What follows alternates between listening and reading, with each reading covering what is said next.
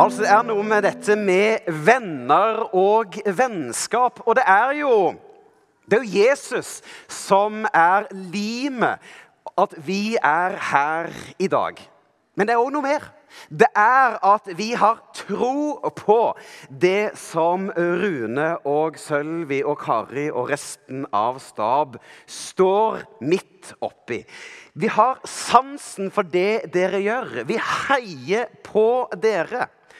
Og Derfor tenker jeg at venner, ja, men vi deler. Og Derfor var det en veldig flott, et flott øyeblikk for oss når vi i eldsteråd i Filadelfia-kirken Drammen sier at vet du hva, dette vil vi. Vi har lyst til å være en partnermenighet med troens bevis. Men jeg har lyst til å vise dere noen av mine venner. Og oppå skjermen her så ser du noen av eh, våre misjonærer. Og Jeg har tatt meg den frihet å vise bilder av disse. For Det jeg syns er unikt med Filadelfia-kirken Drammen, det er at vår misjonsglød er veldig stor. Og på denne veggen bak her så ser du flere mennesker som har grundet opp sitt eget arbeid, som når langt ut med evangeliet. Her øverst til venstre så har vi Bjørg Tun Dalene, som har vært misjonær i en årrekke i Kongo. Ved siden av henne har vi Wenche Torkelsen, som er ute i Kamigen i Filippinene. Og ved siden av der så har vi Roberto og Heidi Enconado, som driver i Manila i Filippinene.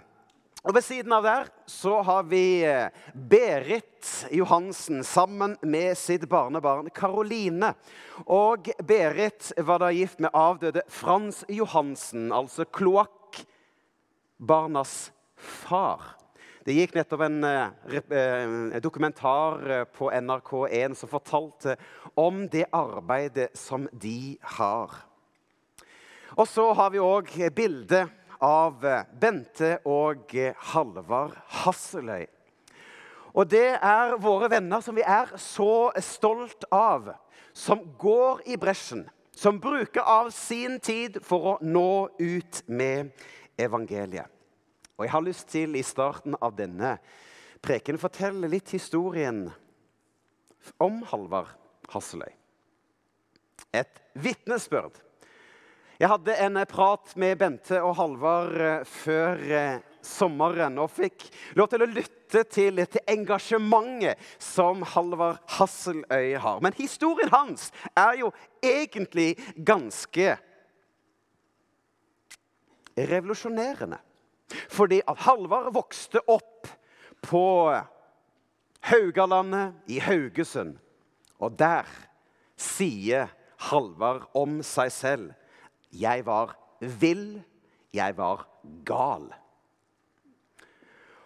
Han vokste altså opp i Haugesund, og der så var han en crazy ungdom, som han sier. Han både sloss, han var sterk, og han utfordra mennesker. Så dette var en bølle. Altså Han sier selv han laget mye baluba. Og eh, jeg vet ikke om du kan se for deg en ungdom i ungdomsårene som bare er skikkelig en råtass på en negativ måte. Men Halvard sier at det var tre eldre damer som ba for denne ungdommen. Og i april 1973 så satt en liten gjeng på Tennsenteret i Haugesund, og de ba. Og De satt utover kvelden og de ventet på at det var noen som skulle komme inn på denne Tenn-kafeen, eller Tenn-senteret. Men det var ingen som kom. Og De bare satt der, og kvelden ble lang, men de hadde fått for seg det skulle komme en som skulle møte Jesus. Og Etter en stund så kom da denne ungdommen, Halvard Hasseløy, inn i dette tennsenteret og spør ja, hva er det dere holder på med. Nei, men vi ber. Og så har vi fått for oss at det er en som skal møte Jesus i dag. Og Halvard ser seg rundt og sier ja, men det er jo ingen andre her enn meg. Så da må det jo være meg, da, sier da Halvard. Og den kvelden så ble Halvard Hasseløy frelst. Og han kjente at Den hellige ånd kom inn. og han ble totalt forvandlet. Og Halvard han døpte seg andre pinsedag av Morgan Kormo. Og da husker Halvard at det kom et budskap som Halvard gjemte i sitt hjerte. Ja, litt, litt, slik som Maria. Vi kan lese i eh, evangeliet at Maria gjemte dette i sitt hjerte. For der ble det sagt Du som vil følge lydighetens vei, skal få se tusener på frelsens vei. Halvard fikk òg et syn. Han fikk en visjon om noe som skulle skje. Han følte at det ble lagt et kall over hans liv. Så drar Halvard Hasseli på bibelskole. Hvor hen?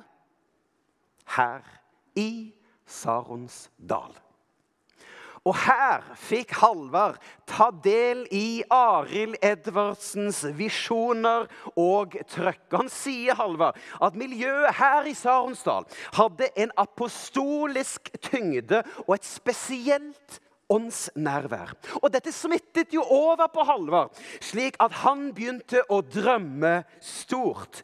Og kallet hans om å tjene, det ble stadfestet.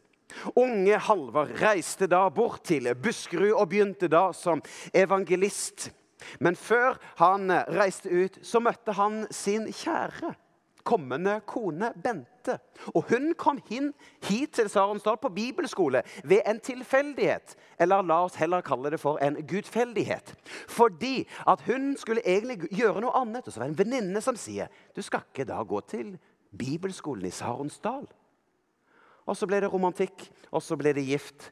Og da reiser altså Halvard til Buskerud og begynner da som evangelist å reise rundt i Buskerud og rundt Drammen. Men i 1982 så skjer det noe. Vi har en høvding i Filadelfia-kirken Drammen som heter Kjell Våraker. Han er en misjonsvenn og en venn av Saronsdal. og Han var formann i Europamisjonen. Og han ønsket å sende humanitær hjelp til Polen. Så derfor så begynner han å organisere. Og han spør er det noen som har lyst til å kjøre lastebil eller buss eller hva enn det var. For jeg tør ikke selv, sier Kjell. Halvard. Halvard. Han sier, 'Ja, jeg kan'. Og der starter et eventyr for Bente og Halvard Hasseløy. De reiste ned til Polen og etter hvert ned til Ukraina med trailere. Og 27 år etter sin dåpsdag så står Halvard Hasseløy på en stadion i Ukraina med 25 000 mennesker i arenaen. Hele 15 000 mennesker tar imot Jesus. Og den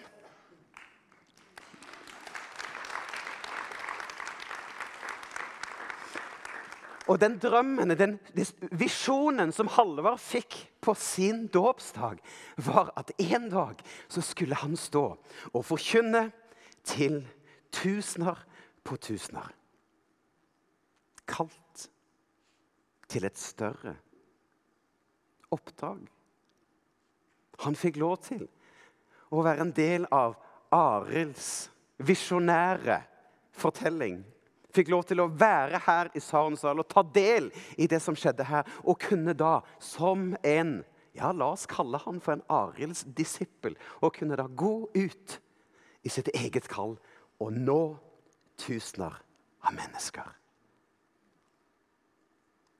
Jeg har òg lyst til å fortelle om en annen ung mann. Nei, jeg må først jeg må følge manus her. Jeg må, bare, jeg må bare si dette her. For i dag Open Heart med Bente Halve Hasseløy. Bare hør på dette her. 1500 tonn matpakker og klær og sko distribueres årlig til fattige og lidende ukrainere. En halv million mennesker fikk hjelp i fjor. 25 000 familier får jevnlig matpakker og annen nødhjelp. Matstasjoner der ca. 4000 fattige barn spiser hver dag. Barnehjem for 300 barn fra 0 til 6 år som var i ferd med å gå under. 2500 barn får komme på sommerleir hvert år. 50 tonn med mat og hjelp deles ut hver måned. Tre egne trailere kjøres hver måned fra Norge til Ukraina. Seks misjonstelt driver evangelisering i Ukraina. 20 sentre for rusmisbrukere, der ca. 500 bor og blir forvandlet. 250 menigheter er plantet. Wow!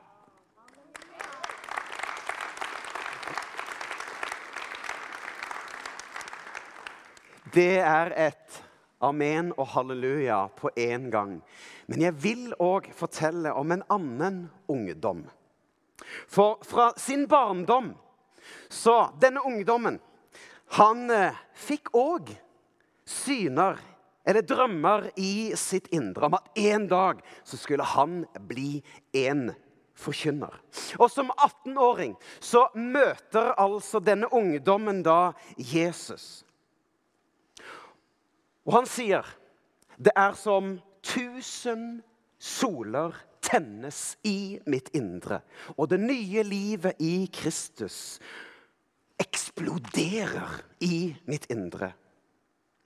Og Etter hvert så tenker han tilbake at det var nok da han fikk Den hellige ånd og ble døpt i Den hellige ånd. Og Han skjønte med en gang at nå var han kalt av Gud til å gå ut og være et vitne for ham. Og i tre år så gikk denne ungdommen i en slags forberedelsesperiode for det som skulle ligge foran. Men etter tre uker som nyfrelst så begynte disse nyfrelst-tankene eller følelsene å forsvinne. Og det ble fylt med angst som kom og overtok. Og han var alvorlig bekymret for å bli en frafallen kristen. Og han sier i flere uker så opplevde jeg et helvete av frykt. Denne ungdommen han drar på sin første evangelisttur til en liten bygd sammen med en eldre herremann. Og Han sier da om seg selv jeg fikk en dårlig start som predikant.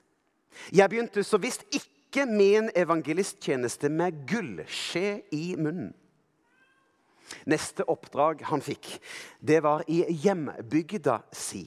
Og her hadde han forberedt seg grundig. Han følte at han hadde fått en tekst, han hadde fått en preken. Han hadde fått ti punkter som han skulle ta og forkynne til folket. Og Han visste at en preken burde jo være sånn rundt 20 minutter, helst opp mot 30 minutter. Så denne unge forkynneren han begynte å preke. Men etter han hadde talt og prekt og vært igjennom sine ti punkter, så hadde det gått fem minutter. Og han sto der og skjønte ingenting. Og han begynte å småprate og begynte å prøve å gjenta det han hadde satt, sagt. Og skamfullt så setter denne ungdommen seg ned og sier amen etter åtte minutter. Denne ungdommen heter Arild. Arild Edvardsen. Her startet han sin karriere. Som 22-åring så var eh, Arild i Hauge i Dalane. Han hadde vært i bønn og faste. Hva vil du egentlig, Gud, med mitt liv? Skal jeg fremdeles bare være her, en, en evangelist i Rogaland og Vest-Agder, og ha møter med 100, 200, 300 mennesker resten av mitt liv? Men inni sitt indre så ser Arild for seg skarer av mennesker som søker Jesus. Og drømmen eller synet ifra sin barndom om å bli en forkynner, den inneholdt òg det å se tusener på tusener som kommer til tro. Arild skriver i boken sin 'Kampen mot Goliat'. Hør på dette. I over to år har jeg hatt en stor bønnebyrde ligget over meg. Daglig ber jeg i flere timer. Med forferdelse hører jeg meg selv be som om at jeg må nå millioner for Jesus og vinne millioner for himmelen. Da hører jeg meg selv be slik første gang, blir jeg sjokkert. Jeg synes selv at dette går over alle grenser. Og som bygdegutt som aldri har vært utenfor sitt distrikt, så føler jeg meg litt skamfull overfor Gud når jeg hører meg selv be slik. Så skriver han senere men gang på gang ramler jeg inn i dette igjen og ber om millioner. Og da skjer det noe. Når Arild er i Hauge i Dalane, og Gud han åpenbarer seg for Arild. Og hans plan for Arilds liv blir altså lagt. Og han sier den allmektige taler til meg. Og han fyller hele meg og sier din livsoppgave skal være verdensvid evangelisering gjennom nasjonale vitner og gjennom nasjonale kirker. Og I timene som ligger foran, så får Arild se konturene av innfødte misjonærer. Evangelisk litteratur på mange språk. Radio, TV, bibelspredning. Nasjonale bibelskoler. Store korsgård. Korstog. Vekkelse. Sjelers frelse. Evangeliet forkynnes til de unådde. Skarer av menneskers liv skal bli forvandlet i møte med Jesus som et bevis på evangeliet og troen på at livet med Jesus fungerer. Troens bevis. Her starter eventyret. Og nå kan man se tilbake på en eventyrlig reise i troens bevis. Tiden har hatt både oppturer og nedturer. Og det er jo slik at det skapes jo friksjon når store visjoner tar tak. Hør. Vi er i 2021. Millioner av mennesker er nådd nå over 50 år senere. 19 land støttes om lag 1200 innfødte evangelister som arbeider for å nå ut med evangeliet. I snitt er det over 500 nye introkurselever hver dag. 150 mennesker blir frelst daglig gjennom introkurset. Et amen og et halleluja på én gang.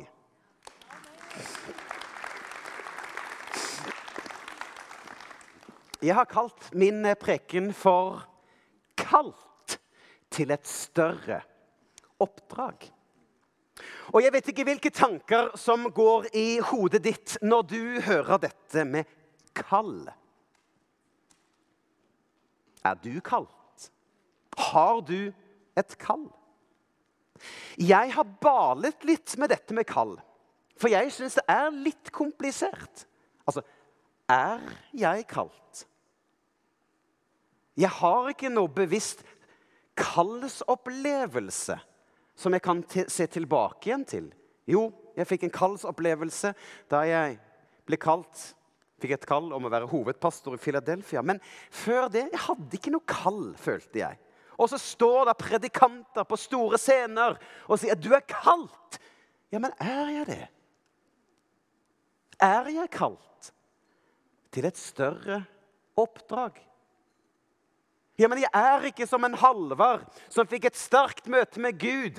Eller som Arild som fikk et kjempesterkt møte med Gud og fikk lov til å se millioner på millioner. Ja, men jeg er ikke der.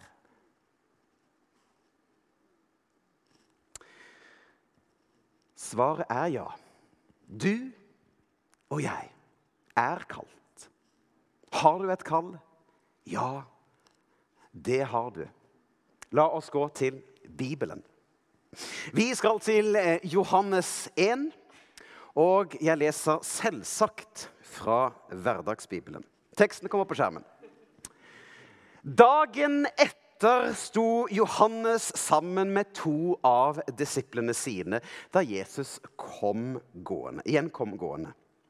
Da sa Johannes, se, der er Guds lam de to disiplene til Johannes spurte etter Jesus, men Jesus snudde seg mot dem og spurte, 'Hva vil dere?' De sa, 'Mester, vi lurer på hvor du bor.' Jesus svarte, 'Kom og se.' Kom og se. Så ble de med og gikk og se hvor han bodde. og Klokken var rundt fire på ettermiddagen. og da De ble hos ham den dagen. Andreas, bror til, broren til Simon Peter, var en av dem som hadde fulgt etter, Jesus, eh, etter Jesus og blitt med ham hjem. Etterpå så gikk han for å finne broren sin. Og da han fant Simon, sa han, 'Vi har funnet Messias.' Og så tok han med broren sin dit Jesus var. Da Jesus så Simon, sa han, 'Du er Simon, sønnen til Jonah. Du skal kalles Peter.' Og Dagen etter så ville Jesus dra til Galilea, og han møtte Philip og sa til ham, 'Følg meg.' Følg meg. Philip var fra Betzaida, ja, fra samme by som Andreas og Peter. Philip gikk til Nathanael og han sa, 'Vi har funnet han som Moses og profeten har skrevet om.' Det er Jesus fra Nasaret, Josefs sønn. Men Nathanael var betenkt og sa, 'Kan det komme noe godt fra Nasaret?' Philip svarte, 'Kom og se.' Selv. Så leser vi videre om at Jesus han sier helt på slutten her Han sier, 'Før Philip ropte på deg der du satt under fikentreet, så jeg deg.' Så jeg deg. Jesus han sier altså, 'Kom og se'. Han sier, 'Følg meg', og han sier 'Jeg så deg'. Og I denne teksten så er det mange ting som jeg blir opptatt av. Ja, jeg blir opptatt av denne Andreas. Ja, bror til Peter. Og i Bibelen så har jo Andreas en litt sånn tilbaketrukket rolle, men en betydningsfull rolle. For det var jo Andreas som ledet Peter til Jesus. Men det var jo òg Andreas som fant denne lille gutten som kom med sine to fisker og fem brød. Altså Andreas var en type som jobbet liksom bak kulissene. For at andre skulle få lov til å stige fram og ha en mer synlig rolle. Jeg blir òg opptatt i denne bibelteksten av det som Jesus sier ved første gang han ser disse menneskene. Kom og se. Ja, men kom og smak, da. Jeg har lyst til å vise deg hva dette med tro er. Jeg har lyst til å vise deg hva Guds rike er. Jeg skal ikke tvinge deg inn i noe. Nei, nei, nei. Bare kom og se. Kom og opplev. Kom og smak på det jeg har for deg. Det andre som Jesus sier, er dette Følg meg. Og Jesus han inviterer meg og deg til en livslang etterfølgelse etterfølgelse. Han sier, 'Jeg er veien, sannheten og livet'. Jeg er den som går foran deg og peker ut en retning hvor du skal gå. Følg meg! Legg livet ditt i mine hender, så skal jeg lede deg dit du skal gå. Du skal være hans vitne der hvor du er. Og så blir jeg òg opptatt av dette som Jesus sier til Natanael. Jeg så deg. Jeg så deg. Jeg vet hvem du er. Jeg kjenner deg. Jeg vet hva som ligger i deg. Jeg vet hva du heter. Jeg vet om dine styrker, om dine svakheter, om dine sår, om dine nederlag. Jeg kjenner hele deg. For jeg har kalt deg til et større oppdrag. Kalt til et større oppdrag. Og vi kan si at det finnes to typer kall. Vi har det generelle kallet, og vi har det spesifikke kallet. Bli med meg på disse tankene her. For det generelle kallet, det er til alle kristne. For Jesus, han kaller deg til å være hans disippel. Hans etterfølger. Han sier, 'Følg meg'.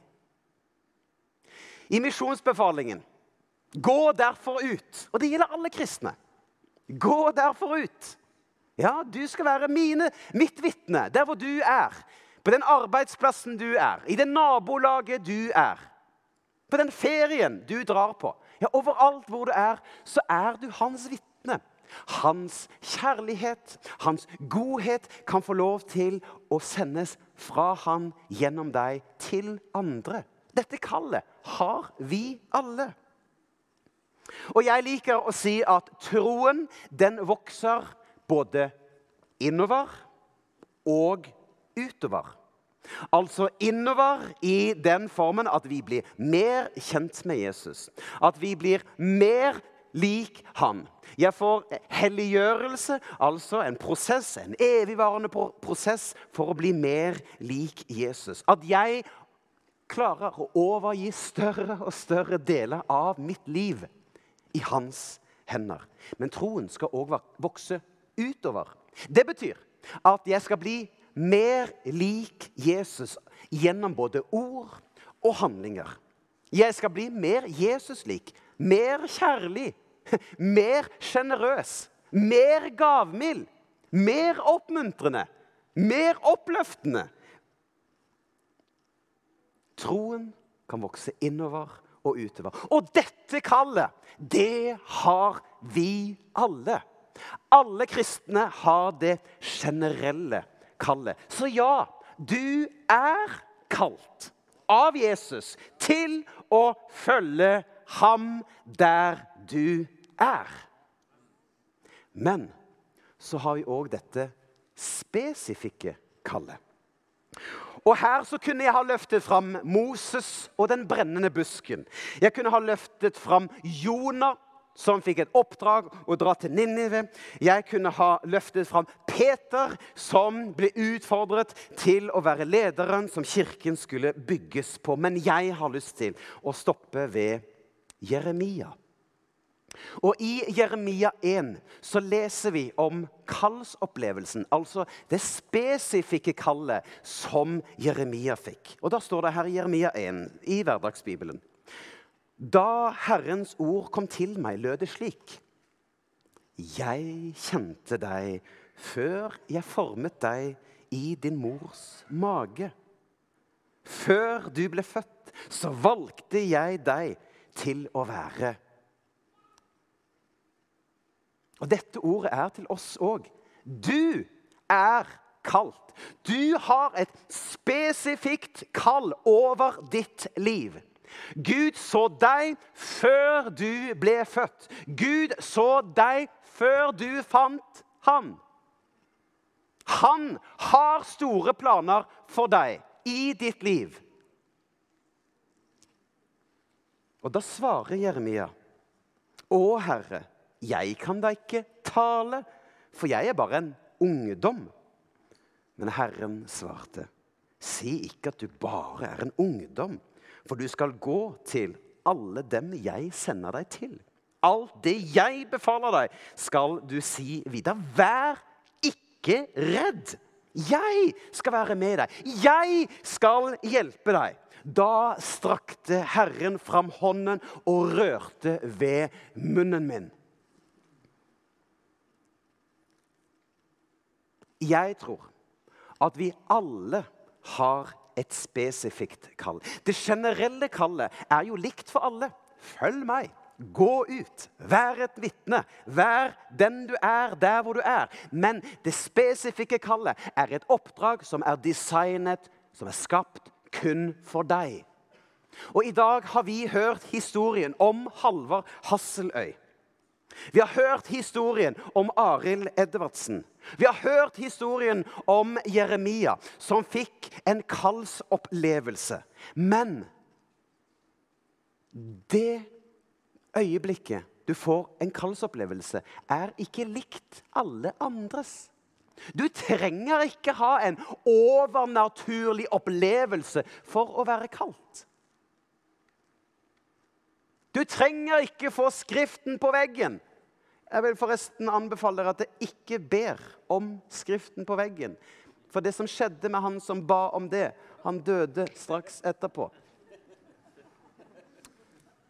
Men jeg tok en telefon her på mandag.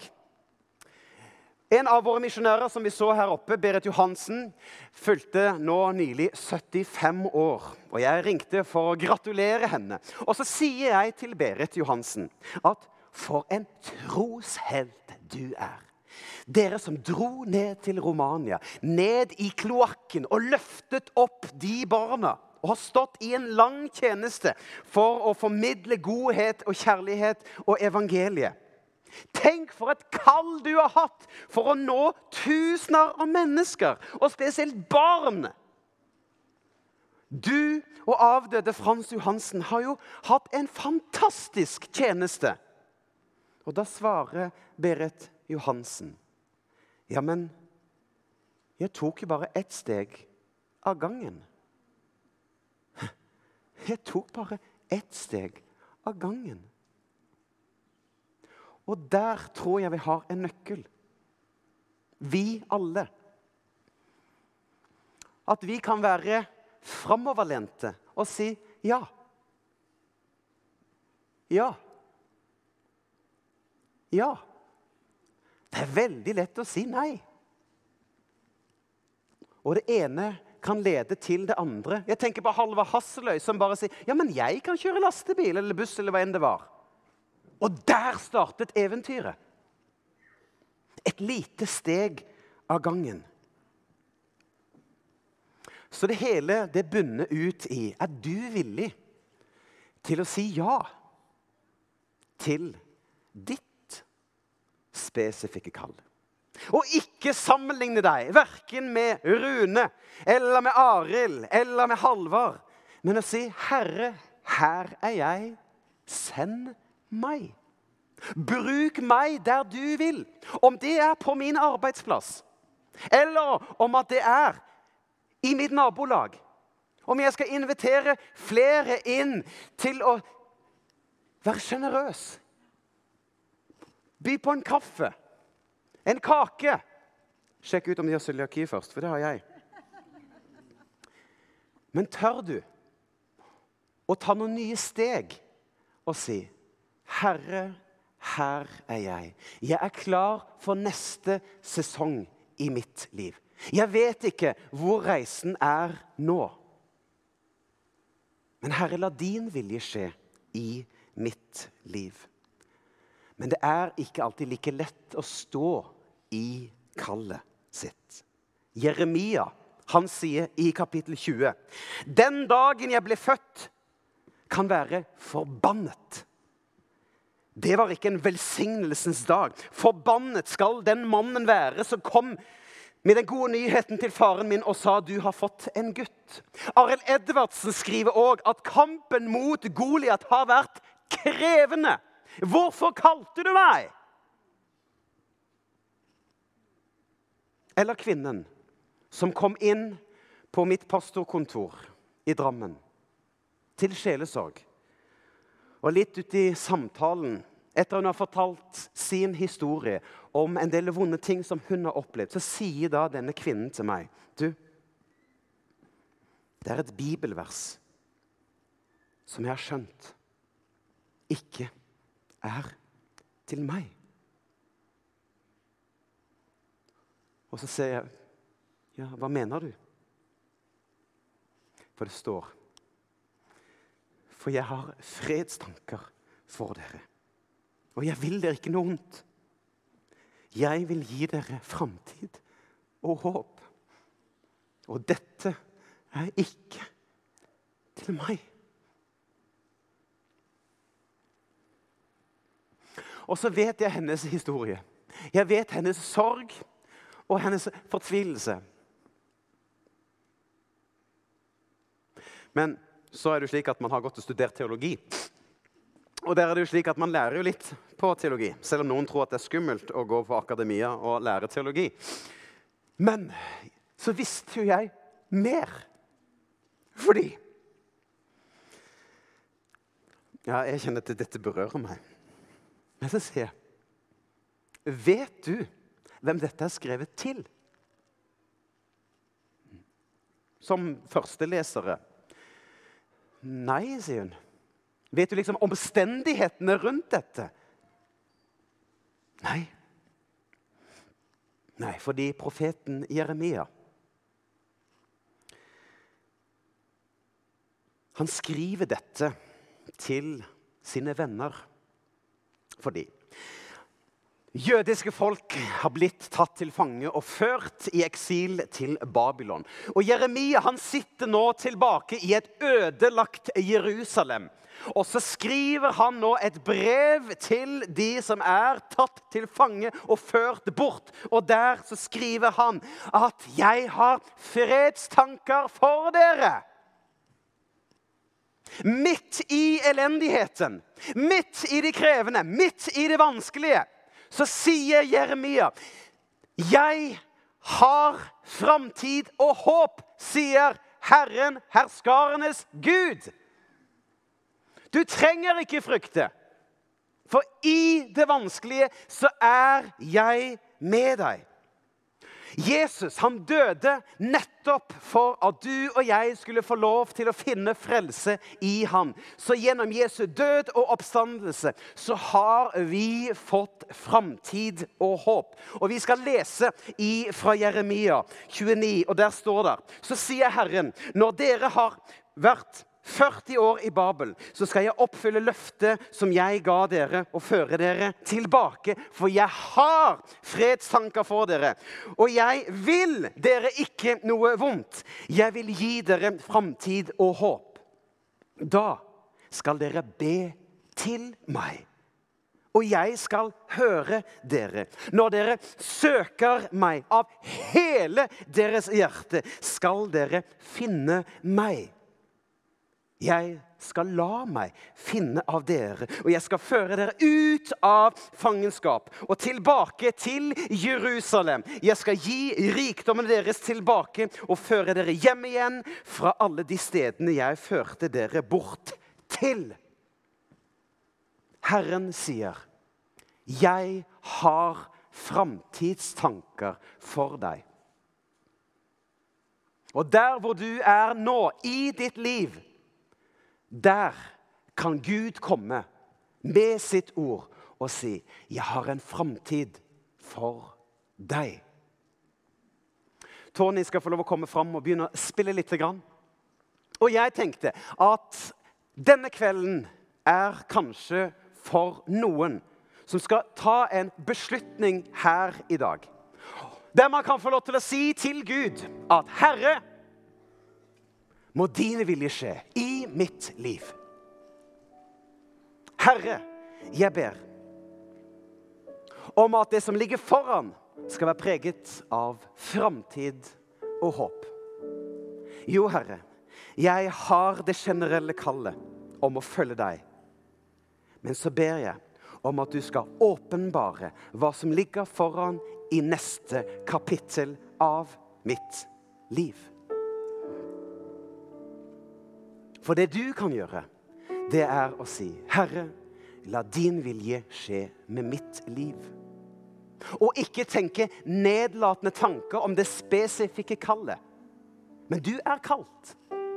Der hvor du er. På din måte.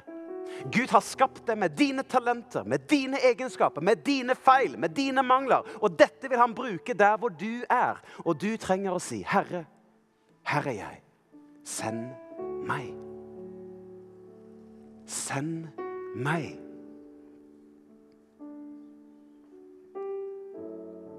Og da skal du ikke sammenligne deg med alle de andres spesifikke kall. For da blir vi mismodige. Men Herren har en oppgave for deg der hvor du er.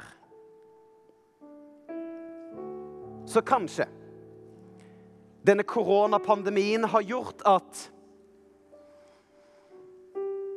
troen din på sett og vis har blitt litt svakere. Dette med tro har ikke blitt så viktig for deg lenger. Så kan denne kvelden få lov til å være en kveld der du sier, 'Herre, led meg tilbake igjen i ditt nærvær'. Led meg tilbake igjen der hvor du vil ha meg. Selv om ting har vært krevende, og selv om det kan være krevende, det som ligger foran, så ønsker jeg Herre å si, 'Herre, her er jeg. Send meg'. Og hvis du er her inne, eller du som er på skjerm, kjenner at dette er noe som berører deg i dag, som jeg har delt, eller som Gud har talt til deg gjennom det som jeg har delt, så vil jeg at du skal legge hånda di på hjertet. Som et tegn på at Herre, her er jeg. Send meg. Jeg er villig til å gå den vei du vil at jeg skal gå. Du vet om min bagasje. Du vet om det som har vært vondt og vanskelig i mitt liv.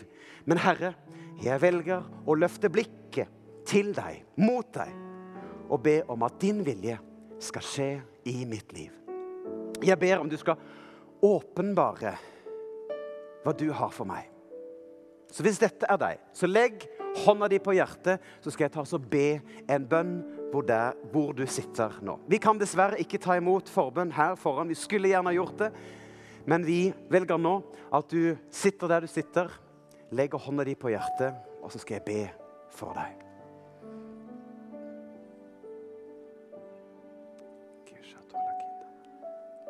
Herre.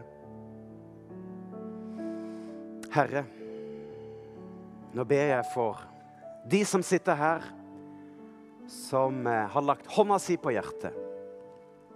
Og jeg ber, Herre, om at du skal komme og berøre mennesker akkurat nå. Du, Herre, du vet hva vi tenker på hver og en. Du vet om vår livssituasjon. Men jeg ber Herre om at du skal komme og åpenbare deg. Og avdekke det spesifikke kall som ligger foran for oss og for hver enkelt. Jeg ber, Herre, om at fristelser skal vike. Jeg ber om at ondskap skal vike. Og jeg ber om at din vilje skal skje i hvert menneskes liv. Og de som har kommet bort fra deg, Herre, jeg ber om at du skal dra dem inn til ditt hjerte. La de få lov til å kjenne, Gud, at du omslutter dem med din kjærlighet. Jeg ber Herre om at du skal starte noe nytt i livet vårt. Og du som er her inne, som kjenner at koronatid har vært krevende. Løft ditt blikk til Herren. Løft ditt blikk og si, 'Her er jeg. Send meg.'